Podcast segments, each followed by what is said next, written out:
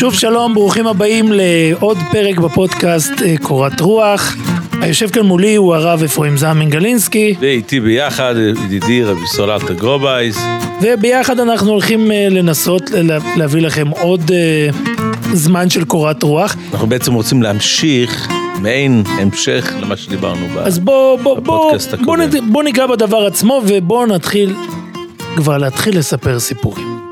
ואני רוצה להפתיע אותך, אתה יודע, אנשים אה, כל הזמן מדברים על סיפורים כאיזה תחום תוכן, יודע, סיפורים זה לילדים, זה, זה משהו כזה זניח, ואנשים לא יודעים שסיפורים, הכוח שלהם הוא אדיר בלחולל, אה, בלחולל, זאת אומרת, ממש יש חוקרים ש, ש, שממש תופסים את הסיפור כ... כאב יסוד בתרבות האנושית, כמשהו שמאחד אנשים, איזה סיפור מארגן. ואני ראיתי לא מזמן, אני עכשיו נזכר שראיתי לא מזמן, אני חושב שפרופסור הזה קוראים לו מרדכי רוטנברג, הוא נראה לי גם נכד של החידוש הערים, הוא חי, והוא, והוא אה, לומד את אה, אחת השאלות המרתקות שיש על אה, ההצלחה המופתית של יהודים בעולם, בפרט יהודים במזרח אירופה, זה הצלחה הרבה מעל המשוער והרבה מעל היחס שלהם באוכלוסייה העולמית. ויש הרבה ניסיונות. אתה, מתכ... אתה מתכוון להישגים uh, מדעיים? הישגים ו... מדעיים, הישגים כלכליים, כלכליים, הרבה הישגים. נהוג בדרך כלל לייחס את זה לראש הגמרא המפורסם. יש הרבה הסברים uh, מרתקים, פרופסור ישראל אומן, חתם פרס נובל בעצמו, הסביר לי פעם שזה עובד בגלל, בגלל העולם, הוא קרא לזה עולם השידוכים היהודי, שיש שם, קורה שם משהו מאוד מעניין. בעוד שבכל, ניקח למשל קהילה, אז יש את המשפחה הגויית ויש את המשפחה היהודית. בעוד שהמשפחה של הגויים, מי שיקבל את השידוך הכי טוב הוא מן הסתם יהיה הבחור הכי חזק, הכי שרירי, הכי... מרשים. הכי מרשים. מבחינה חיצונית. מבחינה חיצונית, מבחינה גופנית. אצל היהודים במשך שנים, אה, הברירה הטבעית, כמו שהוא קורא לזה בשפתו שלו, גורמת לכך שבעצם יהודים תמיד, הגביר של העיירה תמיד ייקח את הבחור הכי רזה, הכי, דו, הכי קטן והכי חלוש, שיש לו את הראש הכי טוב, וככה אתה בעצם, מה, שאתה, מה שהוא מדבר, אתה עושה השבחה גנטית, עם השנים יוצא ש, שהחזקים, ו, ש, שאלה ששורדים ואלה שמביאים הרבה ילדים, הם אלה שיש להם בעצמם ראשים מאוד טובים, אבל לא ניכנס לזה. בכל אופן, מה שמעניין עם מרדכי רוטנברג, זה שבעצם ה, היהודים הם עם של מספרי הסיפורים. ויש לו איזה תזה מאוד ארוכה, אפשר להבין את זה, היהודים באמת מעבירים כל הזמן סיפור מדור לדור, יש להם תמיד אה, סיבה... אני מניח, אני מניח שהעם ישראל זה העם היחידי בעולם שיש להם מצווה מדאורייתא לספר כן, סיפור. לספר, למען תספר. כן. ו- וכל הזמן, וכל המרבה לספר, ובכלל הסיפור הזה הוא חלק מה- מה- מעצמנו, הוא חלק מהסיפור. וכאן אנחנו מגיעים לזה שבשלב מסוים, הסיפורים, הסיפור המארגן, הוא גם כוח כלי תעמולה אדיר. ואני רוצה להשתמש בכמה, אתה יודע, בכמה דברים אה, שמאוד מקובלים אצל חסידים. למשל, לא רבים יודעים שהרב הכי מעמיק, לא יודע, הכי, אתה יודע, אנחנו לא בציונים, אבל שהשרף מקוצק מספר באחד, ה... באחד מהכתבים, יש כמה גרסאות, מי שמכיר בקוצק הרי כמעט לא, לא כתבו. אז יש המון מקורות, ויש כמה מקורות שאני מכיר, אבל לא, לא לזה ניכנס עכשיו. באחד המקומות הוא כותב שהוא, בוא אני אספר לך כיצד נעשיתי חסיד, הוא אומר למישהו, היה איזה יהודי ישיש חסיד אצלנו בעיירה, שידע לספר. ואני הייתי יושב אצלו, ואם אני זוכר טוב את הלשון זה הולך ככה, הוא סיפר ואני הקשבתי. מדובר על איזה גיל של, ה, של הקוצקר? אני פחות, אני לא זוכר כעת את הגיל, כי הקוצקר הגיע בגיל בחוט יותר, בגיל קצת יותר מבוגר, הגיע לעולם החסידות, אבל מי שמכיר את השפה הקוצקאית, מבין שיש פה שני ערוצים. הוא סיפר ואני הקשבתי. זאת אומרת, אני... הייתי אני, חייב לעשות פעולה של הקשבה. אני שמעתי דברים אחרים לגמרי. ביידיש קוראים לזה דר ארם. אני שמעתי את מה שמאחורי הסיפור. ובהקשר הזה יש הרבה יותר מפורסם, זה ההקדמה המפורסמת, הרבה הראשון שבעצם הופך למספר סיפורים, הוא נכד של הבעל שם טוב. רב נחמן מברסלב, שמוציא את הספר סיפורי מעשיות. עכשיו מי שמכיר טיפה את הספר סיפורי מעשיות, בעולם של היום כבר, אה, בעולם של היום זה כבר כל כך מוכר שאתה צריך לספר לך מי זה רב נחמן, הסיפורי מעשיות מוכרים לא פחות. ושם זה ברור שיש משהו שעומד מאחורי סיפור והוא כל כולו אה, חתיכת משל אחד הסיפור גדול. הזה, הסיפורים הללו מרתקים ומרגשים, ו- ולא מזמן פגשנו יהודי שפשוט, אה, אפשר לומר, דיברנו עליו, על זלמן שוקן, שהוא התקרב, אני לא, לא יודע כמה אפשר לומר שהוא התקרב ליהדות, אבל הקצת יהדות שהייתה... מה, ש... מה שהיה לו זה היה מ... זה היה מסיפורי מעשיות של רב נחמן, ובהקדמה זה רב נוסן, רבי נתן מברסלב, שזה התלמיד הבכיר שבעצם רושם את תורותיו. מעביר את תורתו ל... זה, זה בעצם לעולם. הוא, ה, הוא, אני אשתמש במילה, הוא ממציא את רב נחמן לא במובן של ממציא, אלא במובן שהוא זה הוא ש... הוא הנגיש אותו לעולם. הוא הנגיש אותו לעולם, ו, והוא כותב בהקדמה אה, אה, אמרה מאוד אה, חזקה בשם הרבה שלו על הנושא הזה של סיפורים. אז אם אני שוב לא מצטט, שם השפה של רב נוסן, זה, זה, זה מה שמעניין לצטט, אבל אם אני, זה יידיש מתורגמת. Mm-hmm. ולכן זה כל כך, יש לזה מוזיקה שונה. שאתה שומע היום, בברסלב הרבה אנשים מתקרבים, גם מעדות המזרח, ואתה שומע איך הם מנגנים את המוזיקה הזאת בעברית, זה, זה ממש זה לא- נפלא. לא... לא, לא, זה ממש נפלא, כי זה עובר, הם עושים את זה כבר בשפה כזה חצי משנאית, והיה והלך. ומי שמכיר את התרגום ממש שומע, זה נפלא, אבל לא על זה באנו לדבר, הוא אומר, העולם רגילים לומר שסיפורי אה, מעשיות עוזרים לאנשים להירדם, זה טוב לפני השינה. ואני רוצה לספר סיפורים שיעירו אנשים, שיגרמו לאנשים להתעורר. אז, אבל, אבל מה ש... חי, ש... חייבים לציין ש, שלא רק עולם החסידות אה, אה, שם דגש על סיפורי צדיקים, גם העולם הליטאי שם איזה דגש, אבל בכמה היבטים ובגלל כמה סיבות. זאת אומרת, זה ש, שהעולם הליטאי משתמש עם סיפורי צדיקים בשביל לחנך את הדורות הבאים, זה, זה דבר פשוט. יש, יש אה, שימוש בסיפורי צדיקים בשביל להעביר איזשהו חידוש מוסרי, או איזשהו חידוש הלכתי אפילו. תכף אולי אנחנו נגיע לזה. אבל פה אנחנו רוצים לעבור, נעבור אה, מעבר חד לעולם החסידי. יש אפילו משהו, הייתי שם את זה בקצה אפילו, שאדמו"רים מסוימים היו מספרים סיפורים כדי לפעול ישועות. כן, שזה נפלא. שזה אז, זה אז, באמת אה, אז, מעל זה, ומעבר. זה מדויק. מה שאתם נוגעים הרב, וזה בדיוק העניין, מה המטרה לספר סיפורים, ואיך סיפור הופך לכלי, לכלי תעמולה. אז מה שהספר, אני חושב, הדוגמה הכי מובהקת, הכי חזקה, בכל ה... סתם, רק כדי למסגר את זה, בעולם המקצועי, בעולם הספרותי, כל סוג הספרות של, אה, של סיפורי צדיקים ומה שאנחנו מכירים, נקראת אה, ספרות אגיוגרפית, והשם הכותרת משנה שלה זה ספרות השבחי, השבחי. מה שזה אומר שזה ספרות שלא תמיד, לפחות כשאנחנו מדברים על אה, היסטוריוגרפיה, אנחנו כבר יש פה בתוך המילה הזאת ביקורת, ביקורת מובנית.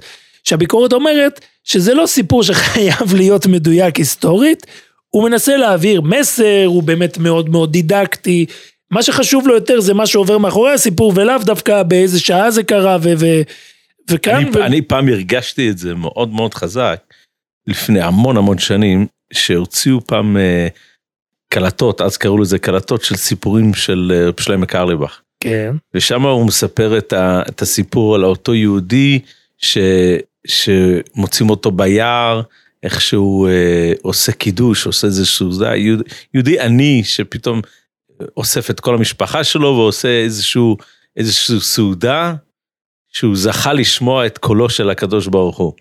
סיפור שהוא מוצא כסף, הוא יש לו ניסיון מה לעשות עם הכסף, ופתאום הוא, הוא שומע שיש איזה אלמנה שהוא יודע בבירור שהיא איבדה את הכסף, כן. והוא מתגבר. והוא מחזיר לה את הכסף בגלל שהוא שומע את קולו של הקדוש ברוך הוא, שאומר לו שאסור לגנוב. אני כבר שומע את הגיטרות שמאחורי הסיפור. אז, אז אני אמרתי אז, שהטיפוס הקר, הליטאי הקר שישמע את הסיפור הזה, אה, מיד יגיב, אוקיי, תעזוב אותי מהבובה מייסס האלו, מה זה יהודי פשוט ביער, שמע את קולו של, של הקדוש ברוך הוא. אבל כבר אז הבנתי שיש פה מסר בעצם בסיפור הזה, זה ש... אם אנחנו נתייחס למה שכתוב בתורה כדברים שהקדוש ברוך הוא אמר לאיזשהו עם, אז. לפני, אה, לפני אלפי שנים, ואתה לא מרגיש שהקדוש ברוך הוא בתורה מדבר אליך, אז אתה מפספס את כל מה שהתורה באה.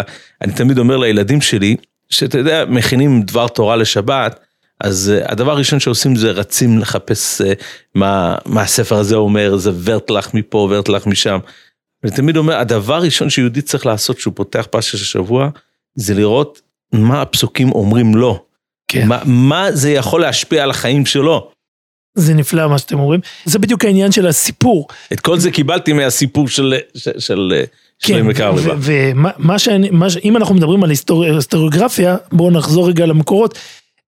אצל היהודים אנחנו מתחילים לראות את זה, כמובן יש כל הזמן סיפורים על צדיקים, יש, אה, כבר דיברנו על זה, על מתי מתחילים לכתוב אותם, אבל הסיפורים הולכים כבר עוד הרבה לפני החסידות, ואפשר להבחין במובהק שסיפורי, סיפורי נפלאות, בואו בוא נעשה רגע את החלוקה, סיפורי נפלאות, אתם כל הזמן לוקח את זה למקום של אה, סיפורי מידות, שאנחנו מדברים על המידה המוסרית של הבן אדם, שזה גוון אחד. באמת, אבל... בציבור הליטאי כמעט אתה לא תשמע סיפורי, דווקא לאחרונה, בשנים האחרונות, אח שרדורי, כן. כולנו נהיינו חסידים, כן, אבל כן, אה, בוא נגיד שבתקופה שאני גדלתי, אפשר לומר שאפילו לקחתם את זה כמו שאומרים ביידיש, מתשמיץ הריבר, אה, עם עוד קצת, עם עודף, עם עודף. אבל מה ש... זה לא היה ככה, רוב השנים הסיפורים של הליטאים היו סיפורי מידות. זה מה שאני רוצה לאפיין את זה, שזה רואים את זה יותר אצל חכמי הקבלה. כי זה בעצם איך אנחנו מגדירים צדיק.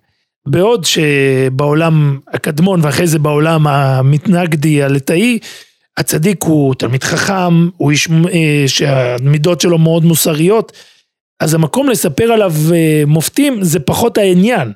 אבל כשאנחנו מדברים על בעלי שם ועל אנשים שהעניין שלהם זה המופתים, אה, אני חושב שלפי, במחקר מכירים את הספרות השפחה הראשונה, איזה במאה שלפני החסידות, על בעיקר על המייסבוך, על, אה, על חסידי אשכנז, שזה מי שמכיר, זה, זה לפני, חסידי אשכנז זה לא חסידות, תנועת החסידות שאנחנו מכירים. מדברים על תקופת הראשונים. כן, זה רבי יהודה החסיד, ו, ואלה שהם באמת התעסקו הרבה עם כישופים, עם דברים כאלו, ועליהם יש את ה... את הספר, שם זה מתחיל, אנחנו רואים כל מיני זה, אבל אה, אפשר לומר, הזכרת את השם של הספר, עוד פעם, איך קוראים לה? אני חושב שקוראים לזה מייסבוך. Mm-hmm. הפעימה הבאה שאנחנו רואים, זה באמת שבחי הארי. בשבחי הארי, יש לך, אה, אם אני לא טועה, יש לפני, בפתיחה של שבחי הארי, יש אפילו תפילה מאחד המקובלים, נראה לי הבן איש חי, שהוא אומר, תפילה לפני שמתחילים לספר בשבחי הצדיקים. אבל ללא ספק, ועל זה אני רוצה רגע להתעכב, כאן אנחנו מגיעים... פה באמת, לפי, את, לפי מה שאתה אומר, יש פה ערך נוסף לסיפור הצדיקים כ, כעבודת השם בעצם. כן, כן. לא, לא בתועלת שיוצא מסיפור הצדיקים, עצם, עצם הסיפור, עצם הסיפור על הצדיק. וזה ברור שאת הדחיפה, הפוש הגדול של הדבר הזה, זה מגיע עם תנועת החסידות. והספר הראשון והחשוב עד היום והמופלא ביותר שיוצא בהקשר הזה, נקרא שבחי הבעל שם טוב. שבחי הבשט. אז בשביל אה, ליטאים כמוני, אז, אה, אז בוא תסביר לנו או, מי כתב את הספר או, הזה. זה, זה ספר ששם בעצם, אם אנחנו מסתכלים על המחקר, מה קורה מאחורי הספר, פה אתה יכול לשים לב, ש, ש, פה אתה יכול לשים לב לכל הגלגולו של, של עולם מוסד סיפורי הצדיקים. כי הספר הזה יוצא בערך דור אחרי הבעל שם טוב. למרות שיש לנו אה, תיעודים והוכחות שסיפרו סיפורים מופתים על הבעל שם טוב בחייו.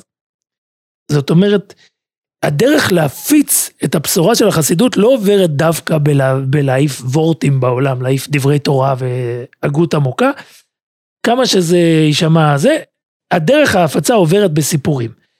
אנשים ברחוב מתחיל לדבר ומתחיל לספר שיש איזה אחד שעושה מופתים גדולים וכולי. אני חושב שיש לנו אחד, רבי, רבי יוסף יהודה מבלטה, שהוא כותב, בחיי הבעל שם טוב הוא כותב שמספרים עליו אה, מאות מופתים. ומאידך אנחנו גם יש לנו התקפה אנטי חסידית, שגם הוא, שגם הוא אה, מבזה אותם, אה, אה, מנדל לפין, שהוא כותב שהחסידים כל היום מתעסקים עם סיפורים, זאת אומרת הלטאים מאוד לא אוהבים את זה. אבל מה שברור, שמתחיל אה, מתחיל, מתחיל תעשייה מסוימת של מספרים על סיפורים. את הספר הזה כותב יהודי בשם רב דוב בר, בשנים ההם עוד אין שמות משפחה.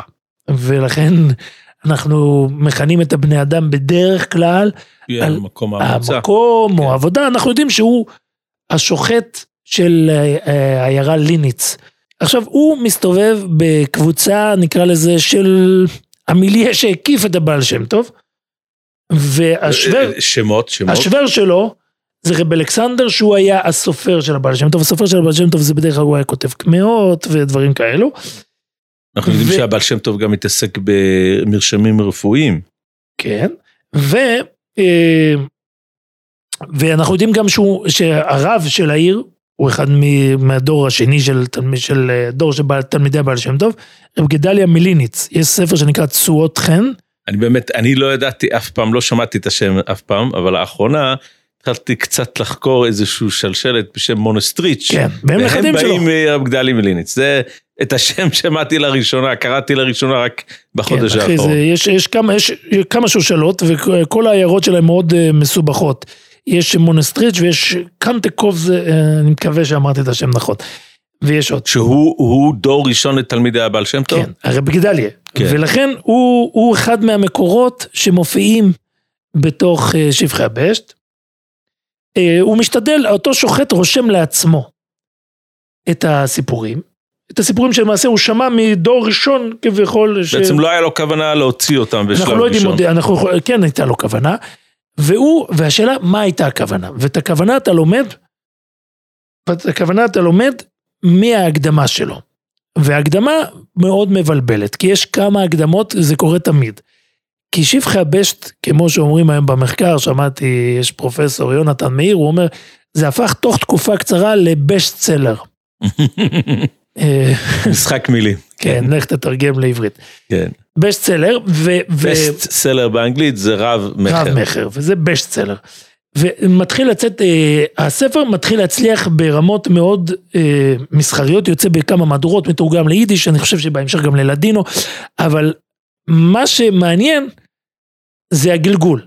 כי בהקדמה הראשונה שהוא כותב, אז הוא מביא, הוא מצטט את רב שמרל מוורחובקי אני חושב, שהוא דמות מוכרת, שהוא שמע מהבעל שם טוב. אה, אני חושב שהוא כותב, וכפי דעתי, אני רגע אצטט לך את הזה, הוא כותב, הוא מתחיל להסביר, אמר המספר, למה אמרתי לכתוב במגילת ספר, כאילו זה נשמע לו מוזר, הוא גם יודע שיש אנשים שצוחקים על זה. יש אנשים אשר בלהגי שפה ידברו, דברי שרה, ואם לליצים הוא יליץ, לומר שתיק, שתיקתך יפה מדיבורך. כלומר, אנשים לא מבינים מה בכלל האינטרס לבוא ולספר סיפורים. אנחנו בעצם מדברים על תקופה שעדיין כמעט אין חסידים בעולם. כן. אנחנו מדברים על התקופה... הדור הראשון שנפטר... הדור הראשון של התלמידים, שנפטר, זה כן. עוד לפני המגיד שהפיץ את החסידות בעולם. המגיד חי באותו זמן. כן, אבל לפני אבל... התוצאות של כן. הפעילות הפעיל, של המגיד. הפעילות כבר מתחילה לזה, ועל זה בדיוק אנחנו מדברים. כי הוא אה, הכיר את הבעל שם טוב, שמע את שימו הגדול, והוא מספר... שקודם ביאת משיח צדקנו, שזה דבר חסידי מאוד ידוע, הסתלקו כל האותות והמופתים וניסים הגלויים והמפורסמים הממשיכים ומתלהבים לב האדם לעבודתו יתברך. זאת אומרת, לפני ביאת המשיח יהיה כזה חושך, לא יהיה מופתים, לא יהיה זה, ואין מחיי נפש, רק מי שיוחז באמונה. וגם אני נתתי אל ליבי, שמא אז היותי לאיש עד זקנה ועוד קרוב לשיבה, שאני כעת בעזר הקל יתברך. מדי יום ביומו נתמעטו הניסים ונסתלקו המופתים. זאת אומרת, הוא נמצא, מה שהוא מרגיש, שזה לא יאומן, הוא מרגיש שיש בעולם ירידת הדורות. אבל שם טוב נפטר, המופתים הגדולים נגמרו, וצריך מישהו שפשוט יספר. שצ... כי אם לא תספר, לא יהיו לת... חדשים. שצריך לתאר, אנחנו כבר לא חושבים שהולכים לבוא עוד מופתים. ולכן, הוא ממש מדבר על הדרדור שהוא רואה מול העיניים, שכבר לא יהיה, והוא שמע עוד אנשים שראו מופתים עצומים של אנשים שגבו, הוא מתאר פה את הסיפור של המוות הקליני הראשון, ובימי חמי היה איש אחד בקהילת בשאץ', אני חושב שזה בוצ'אץ', של... של האיש של אברום.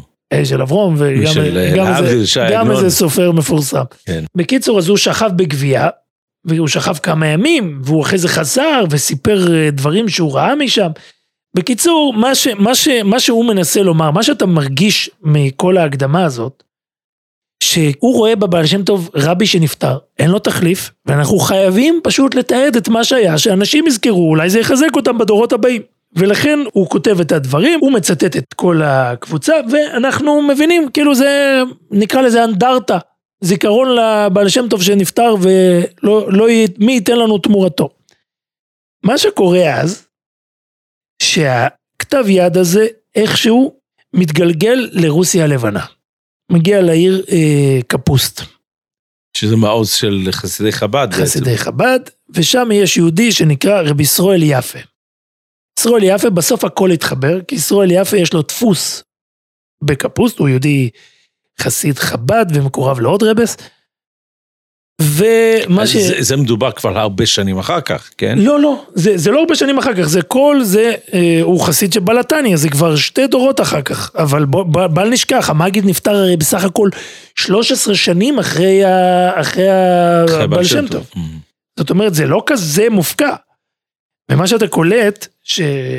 שרבי סרול יפה, שוב אם תרצה, הוא בעל בית דפוס, שבהמשך גם יעלה, אגב הוא מציל את הבלטני, אני חושב שהסיפור הולך שהוא סחב אותו על הכתפיים אחרי שהוא, אחרי שהוא נעצר. הוא תלמיד של הויטפסקר גם, של מנדלה מויטפסק.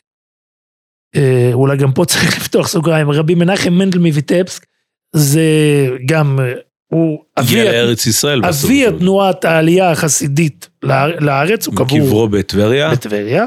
בנחלת הוא, אה, תלמידי כן, הבעל שם טוב. אפשר לומר בר פלוגתא של הבלתניה, האדמו"ר הראשון של שושלת חב"ד.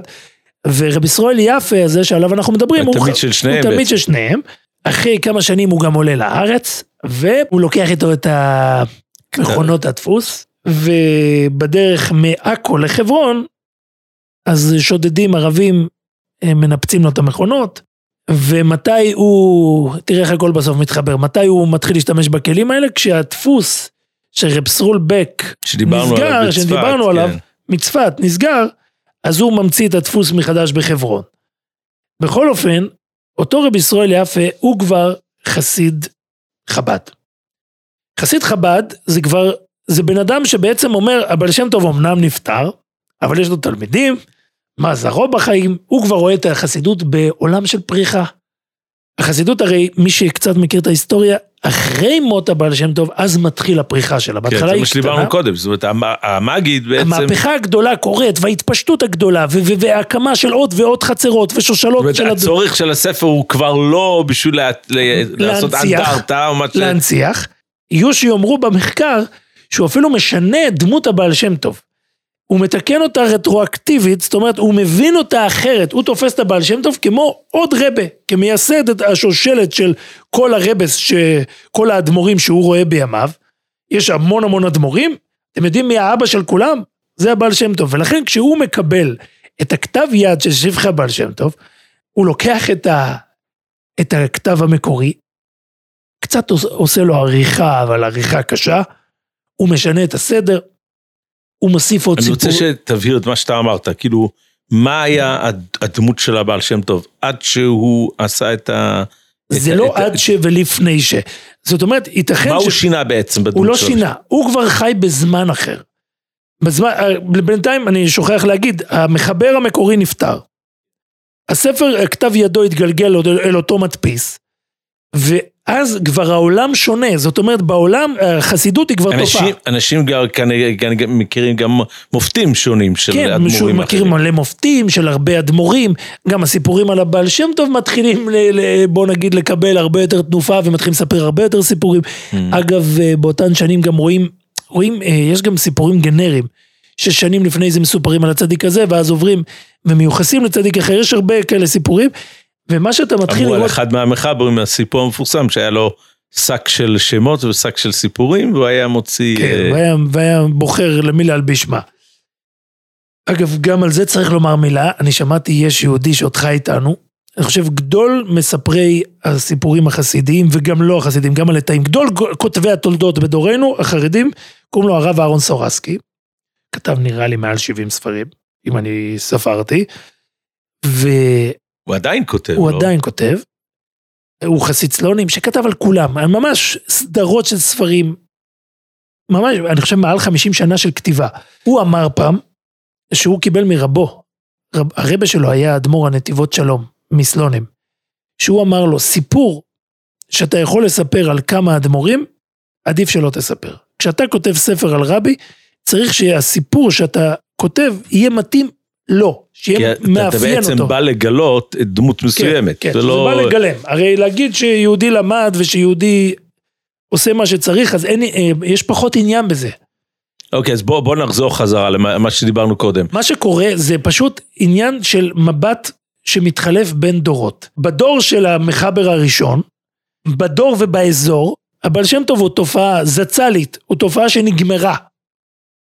המחבר לא זוכה לראות את הפריחה הגדולה שהבעל שם טוב יחווה תוך דור אחד. זאת אומרת, הוא לא רואה את הבעל שם טוב בתור מייסד תנועת החסידות. בדיוק. כי אין, אין, אין בינתיים. זאת אמירה קיצונית שככה כן. המחקר רואה אותה, אה. ש, שכביכול זאת המצאה מאוחרת ותיקון רטרואקטיבי של הבעל שם טוב, אבל גם אם כן, הוא לא רואה, הוא לא מבין, הוא עוד לא מבין שבעצם אה, הבעל שם טוב המציא פה, ייסד משהו חדש.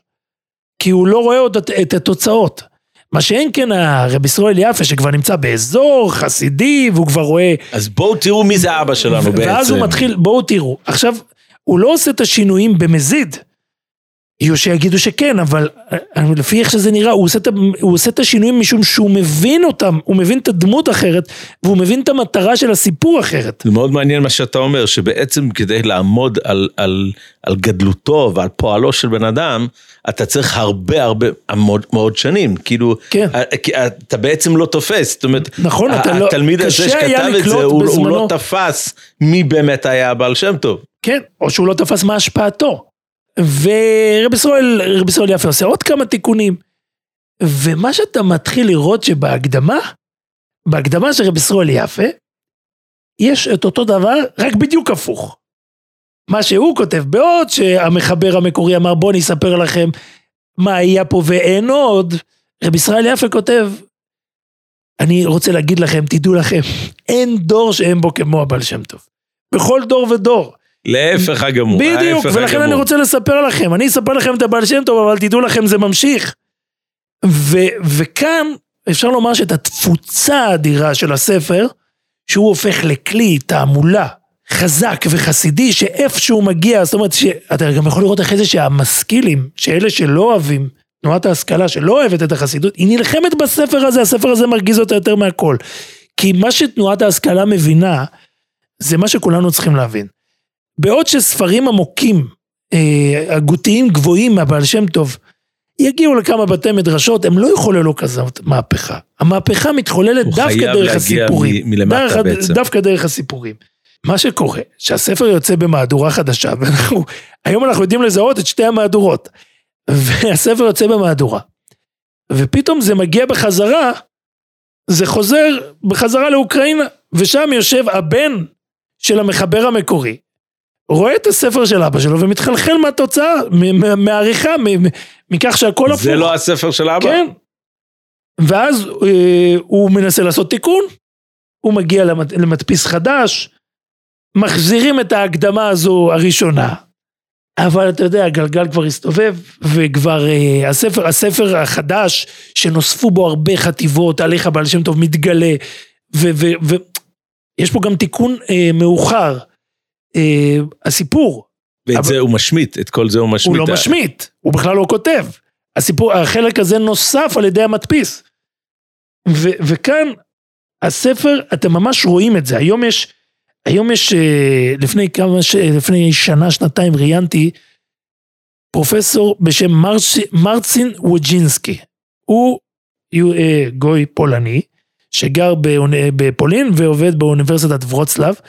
והוא... אה, ואז אז כתבת עליו שהוא מכיר את כל השמות כן. של כל העיירות של כל האדמו"רים. הוא חוקר בעיקר את התפשטות החסידות. זאת אומרת, את ה...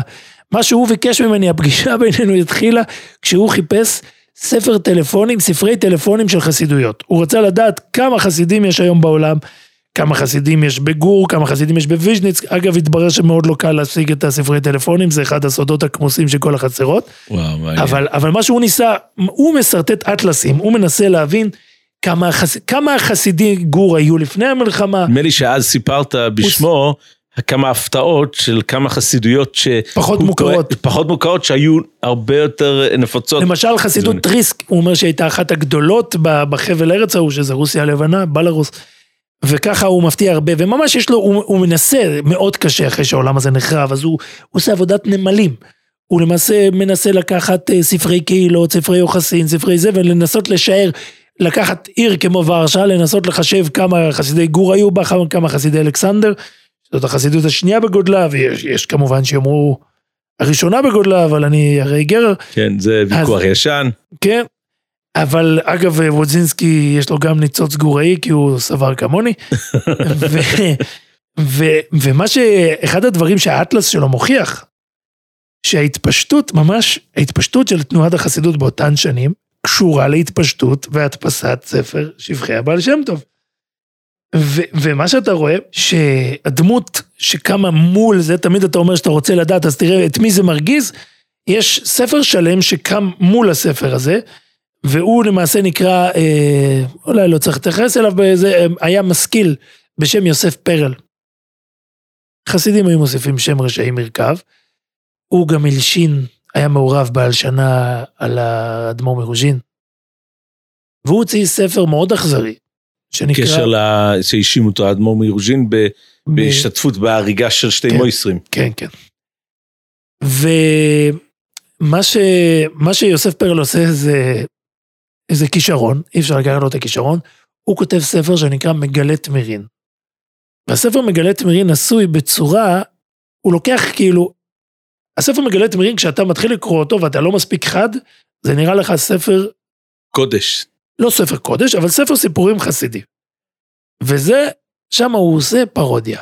הוא לוקח את הספר, וכביכול מכתבים בין שני חסידים, מאוד מאוד באכזריות, זה קצת כביכול עוד שבחי הבעל שם טוב, רק ששם הסיפורים תמיד יש בהם עוקץ וחוסר מודעות עצמית של החסידים שמספרים סיפורים שהם לא מבינים שהם בהם בכלל מופתים, ו- ושם הוא מעמיס את הכל, אבל מה שאתה כל הזמן רואה... בעצם ב- בליצנות אחת אתה דוחה כן, אלף תוכחות. מה שאתה בעצם. רואה שמה שהפריע לו יותר מהכל זה ספר שבחי הבשט. אבל אבי סוללתא, אני רואה שהזמן שלנו הולך להיגמר, ואני בעצם עומד פה מהצד. כי אין לי בקיאות גדולה בסיפורי חסידים, אבל אני חייב לספר לך סיפור אחד שאני שמעתי מכלי ראשון, ופשוט... אה, כי אתה אומר, אין, אין תכלית, כל כך הרבה אנחנו מדברים על הסיפור, כן, ואנחנו לא מספרים בוא, את הסיפור. בוא נספר סיפור, שמעתי מכלי ראשון, ובאמת הייתי, הייתי ממש בהלם מהסיפור הזה, וזה זה, זה נמצא אצלי עמוק בלב הסיפור, כי שמעתי את זה מאדם שפשוט חווה את זה על בשרו.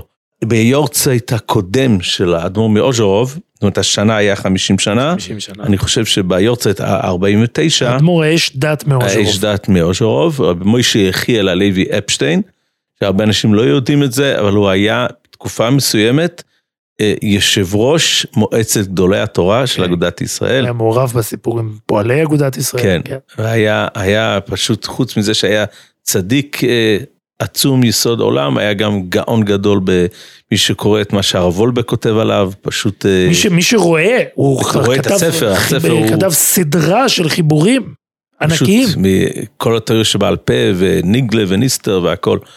אז אנחנו הלכנו לראיין יהודי מאוד מיוחד שקוראים לו רבי יהודה לנדו, שהוא גר בתל אביב, הוא רב בצפון תל אביב אני חושב, והוא היה אחיין של האדמו"ר מאוז'רוב. הוא סיפר לי סיפור שמאוד רציתי להכניס אותו לגיליון של הקולמוס, אבל כנראה לא שהוועדה הרוחנית פסלה אותו, אני מקווה שזה יעבור פה בעל פה, אבל זה פשוט היה סיפור מדהים. והוא מספר שהוא אה, היה מלווה את האדמו"ר מאוז'רוב פעם בשנה לחופש בימי בין הזמנים ל... לירושלים. מי שזוכר את מלון רייך, זה דרך אגב במלון רייך בכניסה אלון רייך, כשזה היה קיים, כשזה היה מתפקד, היה תמונות של הגדוילים שהיו באים להתארח שם, והרבה תמונות... קובל בהרבה מלונות, כן. כן, ותמונות של האוז'רובר, ונמצא מסתובב שם בגן. ורבי יהודה לנדו היה מלווה את, את האוז'רובר למלון רייך פעם בשנה. עכשיו, הרב לנדו אומר שהאוז'רובר היה לו סדר יום מאוד מאוד מאוד מוקפד בשעות ומה הוא יעשה בכל יום. והיה לו מנהג קבוע לבקר אצל שלוש גדולים שגרו בירושלים באותה תקופה. אני מצטער שאני לא זוכר את השמות, אבל... אני משער שאחד מהם זה הבייס ישראל. כן, כן, מסתבר, ונדמה לי היה רב זלמן סורוצקין, אולי היה עוד אחד, אני לא זוכר במדויק. עכשיו, מה שאני כן זוכר זה שרבי יהודה לנדו באותה תקופה אה, ביקר בבית של רב מאיר מאמשינוב, שזה הסבא של האדמו"ר מאמשינוב של היום. רבי מאיר מאמשינוב, כן. רבי מאיר מאמשינוב, ו... והמאיר אומר לו שהוא מאוד אה, חשקה נפשו אה, לבקר או להיפגש עם, עם האדמו"ר מאוז'רוב כשהוא יגיע לירושלים. ורבי יהודה לנדו ידע שזה קצת בעייתי כי הסדר יום מאוד מאוד צפוף ו, וסוף הבין הזמנים זה כבר היה אלול והרבי מאוד רצה כבר לחזור להתחיל את האבוידס שלו בתל אביב. זאת אומרת הרבי היה מגיע ב, ב, בימי הקיץ היה מגיע לירושלים נופש פה. כן. ועושה את עבודתו וכבר אה, עד שהרבי מאמשינוב אה, הגיע ל... או, אז זהו, אז פה, פה מתחיל הסיפור. אז אה, מאיר מאמשינוב אומר לו, אנא תסדר לי אה, פגישה עם, אה, עם האדמו"ר מאוז'רוב. אז אה, כשהאדמו"ר מגיע לירושלים, אז הוא ניגש, רבי יהודה לנדו ניגש לאדמו"ר מאוז'רוב ואומר לו, תשמע, רב מאיר מאמשינוב רוצה להיפגש איתך. אז הוא אומר לו, ודאי, יהודי חשוב, ודאי שאנחנו אה, נפנה זמן, והוא אומר, והימים עוברים, ואני שם לב שה... שה... אין תוכנית אין לפגישה. תוכנית, אין תוכנית לפגישה. וביום האחרון אני מגיע לאדמו"ר מאוז'רוב ואני אומר לו שאוי, לא הספקנו לבקר את המאמר שלו. אז, אז האדמו"ר אומר לו ככה, אומר לו, אה, בסדר, לא נורא. שבוע הבא, דהיינו עוד שמונה ימים, יש ברית אצל רב קלמן לנדו, שזה יהודי גדול מאוד שנפטר לאחרונה, ראשי ושצ'בין. יש ברית אצלו, ו... ואנחנו ניפגש בברית. אז רבי יהודה לנדו תופס את עצמו, אומר, רגע, אבל... זאת אומרת, לפי, לפי החשבון שהוא עושה, אז זאת אומרת שעכשיו אשתו של רב קלמן לנדו צריכה להיות בחדר לידה, והוא ראה את רב קלמן לנדו עכשיו בבית כנסת באיזשהו מקום אה, אז הוא רץ... את הילד עוד לא נולד. עוד לא נולד. הוא רץ אליו קאמן לנדו ואומר, תשמע, האוז'ר עובר אומר שבעוד שבוע... עוד שמונה ימים אתה עושה ברית. עוד שמונה ימים יש ברית. טוב, קאמן לנדו רץ הביתה ומגלה שאשתו, אה, או שהיא בדרך ללידה, אני לא יודע מה. ושבוע אחר כך האדמו"ר מאיר מאמשינוב, האדמו"ר מאוז'רוב נפגשים בברית. וואו. ותשמע, וזה סיפור שאני שמעתי אישית מרבי יהודה לנדו, ופשוט עמדו שערות אה, ראשי מרוח הקודש, ונדמה לי שהוא אפילו דיבר איתו על זה אחר כך, והאוז'רובר ביטל את ה... אבל אתה הבטחת לי סיפור גם כן, אז אני, אני, אני, אם הזכרת את רב, את רב קלמן לנדו, יהודי חשוב, שנפטר השבוע, ומה שהיה איתו, הוא נולד בגליציה, והוא היה ילד שחווה את השואה. סיפור מצמרר, הוא, הוא ואביו היו בגטו בבוכניה, זה נקרא. ששם בלזרוב היה גם. שם הרב מבלז היה, ואביו היה לו הרבה קשרים עם, עם הנאצים. אביו עשה, אה, אביו חולל שם, עשה, עשה בגטו כבשלו. היה לו, הוא ידע לשחד את הנאצים, קלמן לנדו עצמו היה שליח, מי, ש, מי שרוצה לראות את הסיפור חיים שלו, הוא עצמו מספר את זה בהקדמה, לס, בהקדמה לספר שלו. מנת חלקי. מנת חלקי. הוא מספר, הספר, הספר כולו הוא ספר תורני על הש"ס, אבל בהקדמה הוא מספר את סיפור חייו. הסיפור מצמרר, אבל לפני שנה זכיתי לראיין את היהודי, עליתי לביתו, ושמעתי את הסיפור הזה ממנו עצמו. כמו שאתה אומר, זה שוב, זה שערותיי סמור. והוא תיאר את כל מה שעבר עליהם בשואה. אבא שלו היה בקשרים עם, אה, הוא מביא את השמות, והשמות של נאצים. ומי שיודע, בגטו פלשוב היה אה, רב הטבחים בשם אמון גט, יימח שמו וזכרו. אני הכרתי יהודים שכשהיו שומעים את השם הזה, הם היו כמעט מאבדים את הנשימה. יהודים שח, שחוו את זה. מדובר ברוצח שפל, ש, שגם בתוך הנאצים הוא היה שם דבר באכזר, באכזריותו. והוא יום אחד החליט שצריך לחסל אה, את הלנדו הזה שיושב, את האבא, לזר לנדו, שמסתובב ועושה כבתוך שלו בגטו, וצריכים לחסל אותו, הוא ניסה לתפוס אותו. הגיעו כבר לעצור אותו בתוך הבית, לקחת אותו לחקירה בגסטאפו. הוא אמר רגע שהוא צריך לשירותים, הוא יצא דרך הדלת האחורית ונעלם. אחריו יצאה אשתו, מי שנשאר ילד במקום היה קלמן לנדו, קיבל מכות רצח, בלילה עוד הצליחו לשחד אותו, ומה שהם הבינו, שהם חייבים לעזוב את הגטו תוך יממה. זאת אומרת, הבן אדם שעד אתמול היה מלך הגטו, הבין שהוא ומשפחתו חייבים לברוח ולעזוב את הכל. ומה שקרה, היו שם הרבה צדיקים, הרבה אדמו"רים בגטו, שהוא החזיק אותם. הוא למעשה החזיק אותם בחיים, הוא, הוא זייף להם אשרות, הוא דאג לזה. אחד מהם היה הרב הקדוש, הרבי הקדוש מבלז, רבי אהרון מבלז, אה, שרף עליון, שהוא למעשה הציל אותו ואת אחיו בכל אותן שנים, ואפילו סידר להם את הבריחה מהגטו הזה להונגריה והלאה.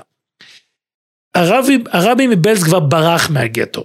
כשאני מדבר באותו לילה שבו נתפס רב קלמן, אה, שבו... רב לוזר לנדו. שלזר לנדו היה צריך לצאת, היה מוכרח לברוח מהגטו. הוא הלך להיפגש עם, אה, לעשות פרידה, היה הרבי מצ'חויב. שזה הבן, של, או, זה הבן, הבן, הבן האחרון של הדברי חיים. בן זקוניו של הדברי חיים. קשה להאמין דבר כזה. הוא נולד לו לעת זקנה, והוא תיאר לנו איך שהרבי הישיש מצ'חויב הלך עם שני נרות וליווה אותם החוצה.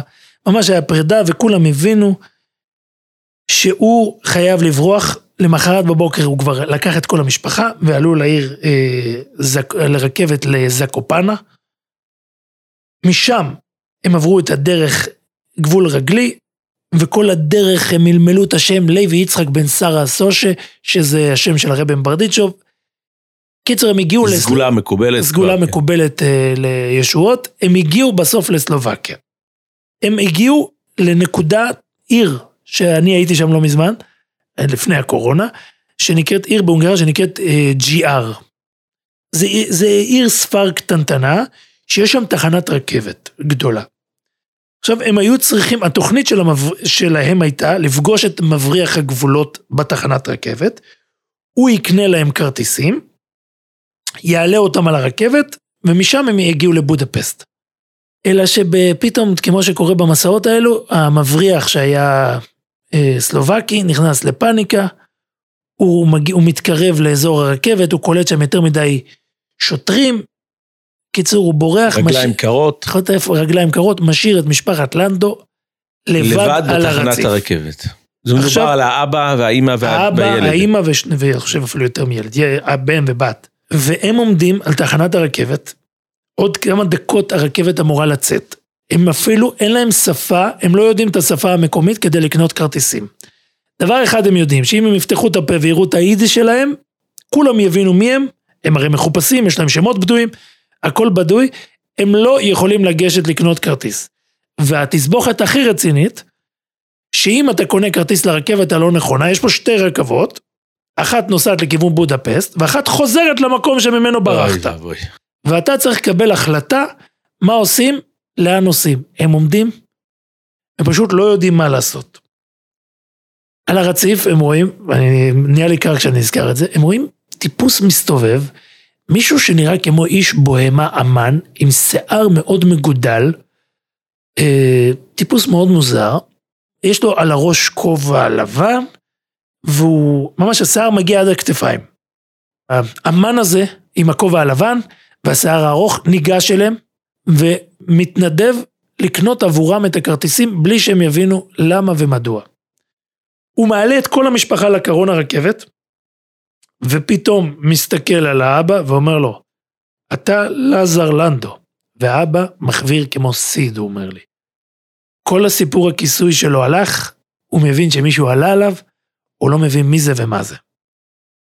זאת אומרת שאפילו המבריח לא, לא היה אמור לדעת כן, מי הוא. אף אחד לא היה אמור לדעת מי הוא. יש פה מישהו... זה שם בדוי. יש פה כן, מישהו שיודע כן. בדיוק מי הוא. הוא מתחיל לדבר איתו ביידיש, ודבר ראשון אומר לו, תירגע.